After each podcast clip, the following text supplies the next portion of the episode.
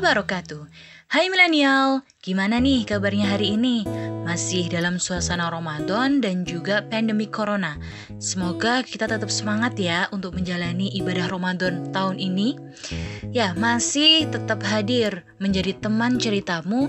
Kali ini Cemils akan bahas tema yang menentukan masa depan kita. Wah, apaan tuh? Tentunya seperti biasanya kita akan bahas bertiga bersama saya Hamidah, ada juga Kak Rizky dan juga Kak Mariam. Kita akan membahas tentang role model muslimah atau panutan seorang muslimah. Ngomong-ngomong nih tentang panutan, panutan itu contoh kan ya uh, atau teladan. Nah, kalau kita lihat nih milenial hari ini, milenial muslim hari ini tentunya ya, siapa sih yang dijadikan panutan atau idola? Wah, kompak nih ya jawabannya ya. Ya, kalau kita lihat sekarang panutan milenial itu kebanyakan artis Korea dan juga selebgram. Pernah lihat nggak video sosial eksperimen yang anak-anak muda itu disuruh untuk menyebutkan nama-nama sahabat atau sahabiah Nabi Muhammad? Dan ternyata hasilnya banyak banget milenial yang nggak tahu tentang hal itu. Kira-kira nih Kak Rizky, Kenapa ya fenomena itu bisa terjadi? Bener banget itu Pak Hamida. Kalau kita lihat faktanya milenial sekarang memang mereka itu lebih kenal sama selebgram atau opa-opa Korea, artis-artis Korea gitu. Dan gak tanggung-tanggung mereka itu. Totalitas loh untuk ngikuti gaya mereka, mulai dari gaya baju, make up, sampai cara berpikir mungkin juga. Nah, ini juga uh, akibat merebaknya fenomena Hallyu Wave ya atau apa pun lah yang berbau dengan Korea di negeri-negeri muslim termasuk di Indonesia ini. Jadi mulai dari anak-anak sampai yang udah emak-emak itu sama mereka terhipnotis dengan uh, fenomena Hallyu ini. Jadi mereka akhirnya lebih hafal sama nama nama-nama artis, selebgram atau youtuber dibandingkan nama-nama sahabat atau sahabia. Tapi kan mereka muslim ya kak ya. Seharusnya tahu itu teladannya harusnya Rasulullah Shallallahu Alaihi Wasallam atau para sahabatnya. Nah ini malah artis yang kita tahu kalau artis Korea itu memang mereka non Muslim. Nah, Kak Mariam, fenomena seperti ini kalau menurut Kak Mariam, kenapa ya Kak bisa terjadi? Nah, itulah yang disebut dengan krisis identitas Mbah Hamidah. Efek dari adanya penerapan sistem sekuleris kapitalis sehingga mereka kehilangan identitas sebagai seorang muslim. Tanpa disadari mereka mengalami degradasi atau pengikisan akidah sehingga mereka kehilangan nilai-nilai Islam dalam kehidupannya. Ini tampak dari perilaku mereka, cara hidup mereka sampai cara berpikir mereka. Akhirnya, milenial muslim sekarang nggak lagi menjadikan Rasulullah dan juga para sahabiah sebagai idola dan panutan mereka. Ditambah lagi, budaya hedonisme atau hura-hura yang dibawa oleh Barat sekarang ini sudah benar-benar berhasil nancap di kehidupan kaum muslim. Makanya kita juga nggak kaget kalau milenial muslim sekarang nggak peduli alias uh, bodo amat sama kehidupan sekitarnya. Oke, jadi Kak Mariam, apa nih yang harus dilakukan oleh milenial muslim hari ini? Oke, terus apa yang harus dilakukan oleh milenial muslim sekarang gitu ya? Yang harus mereka lakukan adalah back to muslim identity, kembali pada identitas mereka sebagai seorang muslim. Uh, bekali diri dengan ilmu dan takwa Imam Syafi'i pernah berkata, sesungguhnya kehidupan pemuda itu demi Allah hanya dengan ilmu dan takwa. Karena apabila yang dua hal itu tidak ada, pemuda itu dianggap tidak hadir dalam kehidupan. Ilmu yang dimaksud di sini bukan sekedar ilmu pelajaran atau mata kuliah, namun yang dimaksud dengan di sini adalah ilmu agama yang mampu menuntun kita uh, untuk hidup sesuai dengan aturan Allah dan juga sebagai bekal yang dapat menjamin keselamatan kita di akhirat kelak. Sementara takwa berasal dari kata wako yang berarti melindungi. Orang yang bertakwa berarti melindungi diri dari murka dan azab Allah dengan cara menerapkan Islam kafah. Nah, ilmu dan takwa ini adalah kunci sukses generasi smart seperti generasi para sahabat pertama Islam. Mereka memiliki karakter yang khas, yaitu memiliki ketinggian ilmu dan juga tingkat ketakwaan. Ilmu dan takwa ini yang menjadikan mereka hafal Quran, hafal ribuan hadis, beribadah, berinfak, dan berjihad. Pada yang saat pada saat yang sama, mereka mengembangkan ilmu-ilmu baru dari semua yang diimani dan diamalkan itu prinsip-prinsip seperti uh, adab sebelum ilmu, ilmu sebelum amal, iman sebelum Al-Quran, dan Al-Quran untuk amal sangat melekat pada generasi masa itu. Tak heran kan jika generasi smart masa lalu tidak sekedar dapat menguasai ilmu agama atau fakih fitin, tetapi dalam masa yang singkat dapat juga menguasai beberapa bidang ilmu pengetahuan secara bersamaan. Lahirnya generasi smart ini tidak bisa dilepaskan dari peran besar negara yang waktu itu uh, diterapkan sistem Islam dalam naungan negara khilafah Islamiyah yang negara itu benar-benar melakukan tanggung jawab penuh dalam meriayah atau uh, apa ya mengurusi urusan rakyatnya begitu Mbak Hamidah back to Muslim identity. Kalau kita kembalikan pada identitas kita sebagai seorang Muslim, harusnya yang kita jadikan panutan siapa sih Kak Rizky? Ya, karena kita seorang Muslim, Harusnya yang kita jadikan panutan, teladan, inspirasi, dan motivasi adalah orang-orang solih dan soliha. Kalau kita mau buka sirah nabawiyah, kita akan banyak menemukan orang-orang solih dan soliha yang hidup di masa Rasulullah SAW.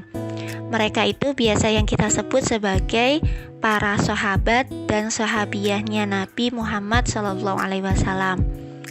Mereka itu adalah orang-orang yang tidak diragukan loh keimanannya kepada Allah dan Rasulnya. Dan mereka adalah generasi-generasi pertama Islam yang memiliki pribadi-pribadi yang tangguh, anti galau, dan anti ambiar. Pernah dengar hadis ini nggak Mbak Hamidah? Almar'u ma'a man ahabba. Seseorang itu akan bersama orang yang dicintainya.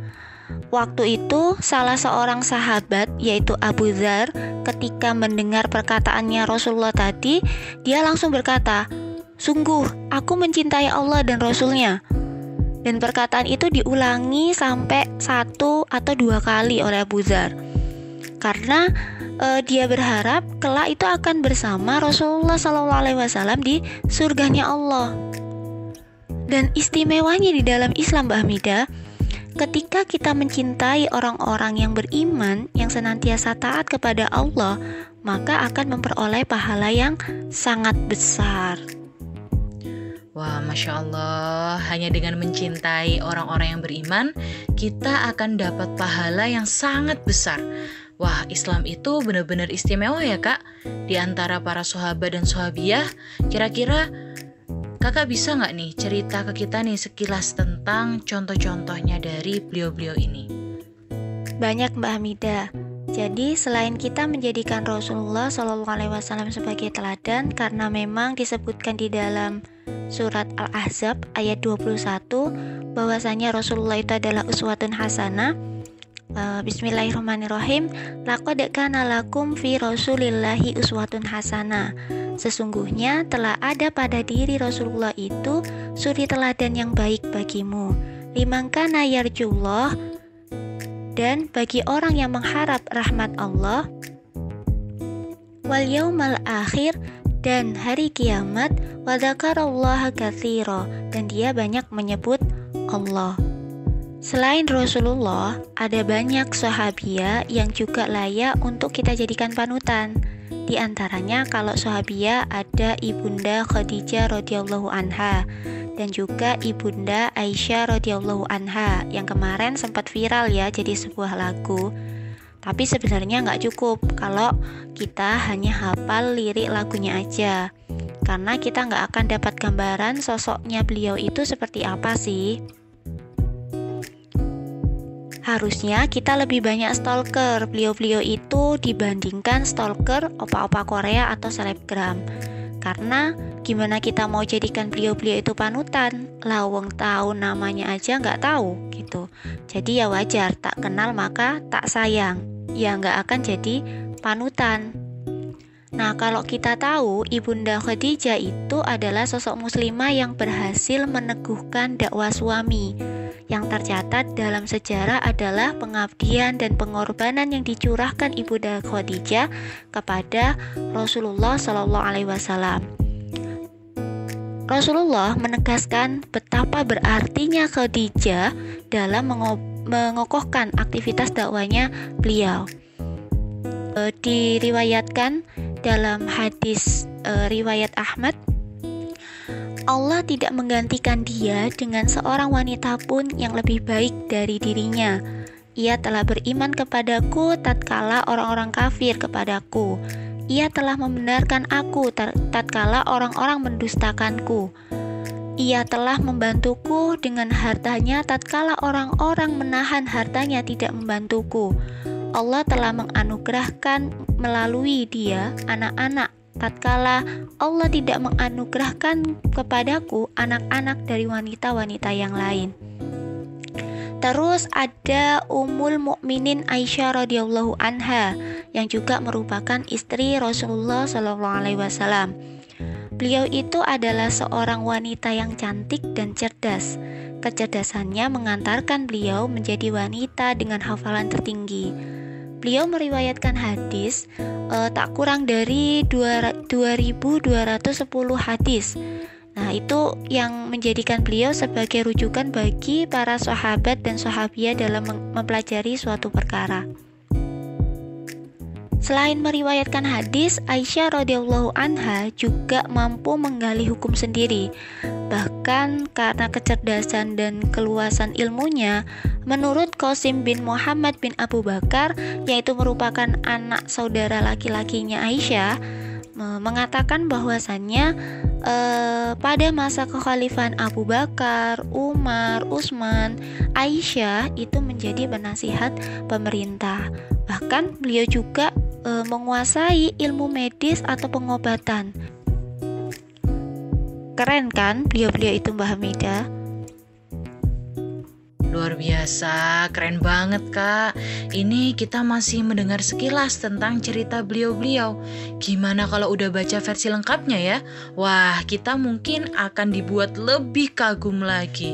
Artis, selebgram, youtuber, semua mah lewat ya. Sobat milenial, tema hari ini membuat kita tersadar nih. Bahwasannya panutan terbaik adalah beliau-beliau yang mencontohkan kita kepada amal-amal yang dicintai oleh penduduk langit mengajarkan kita bahwa dunia hanyalah senda gurau dan permainan belaka, sedang akhirat adalah kekal dan menjadi tujuan kita. Kalau jargon yang biasanya muncul, pilih teman, pilih masa depan, maka hari ini jargon itu akan kita ubah nih menjadi pilih panutan, pilih masa depan. Jangan sampai salah pilih idola ya sobat, karena hidup di dunia hanya sekali, mati pun sekali. Tapi pertanggungjawabannya abadi. Akhir kata dari kami, sampai jumpa di kesempatan berikutnya. Wassalamualaikum warahmatullahi wabarakatuh.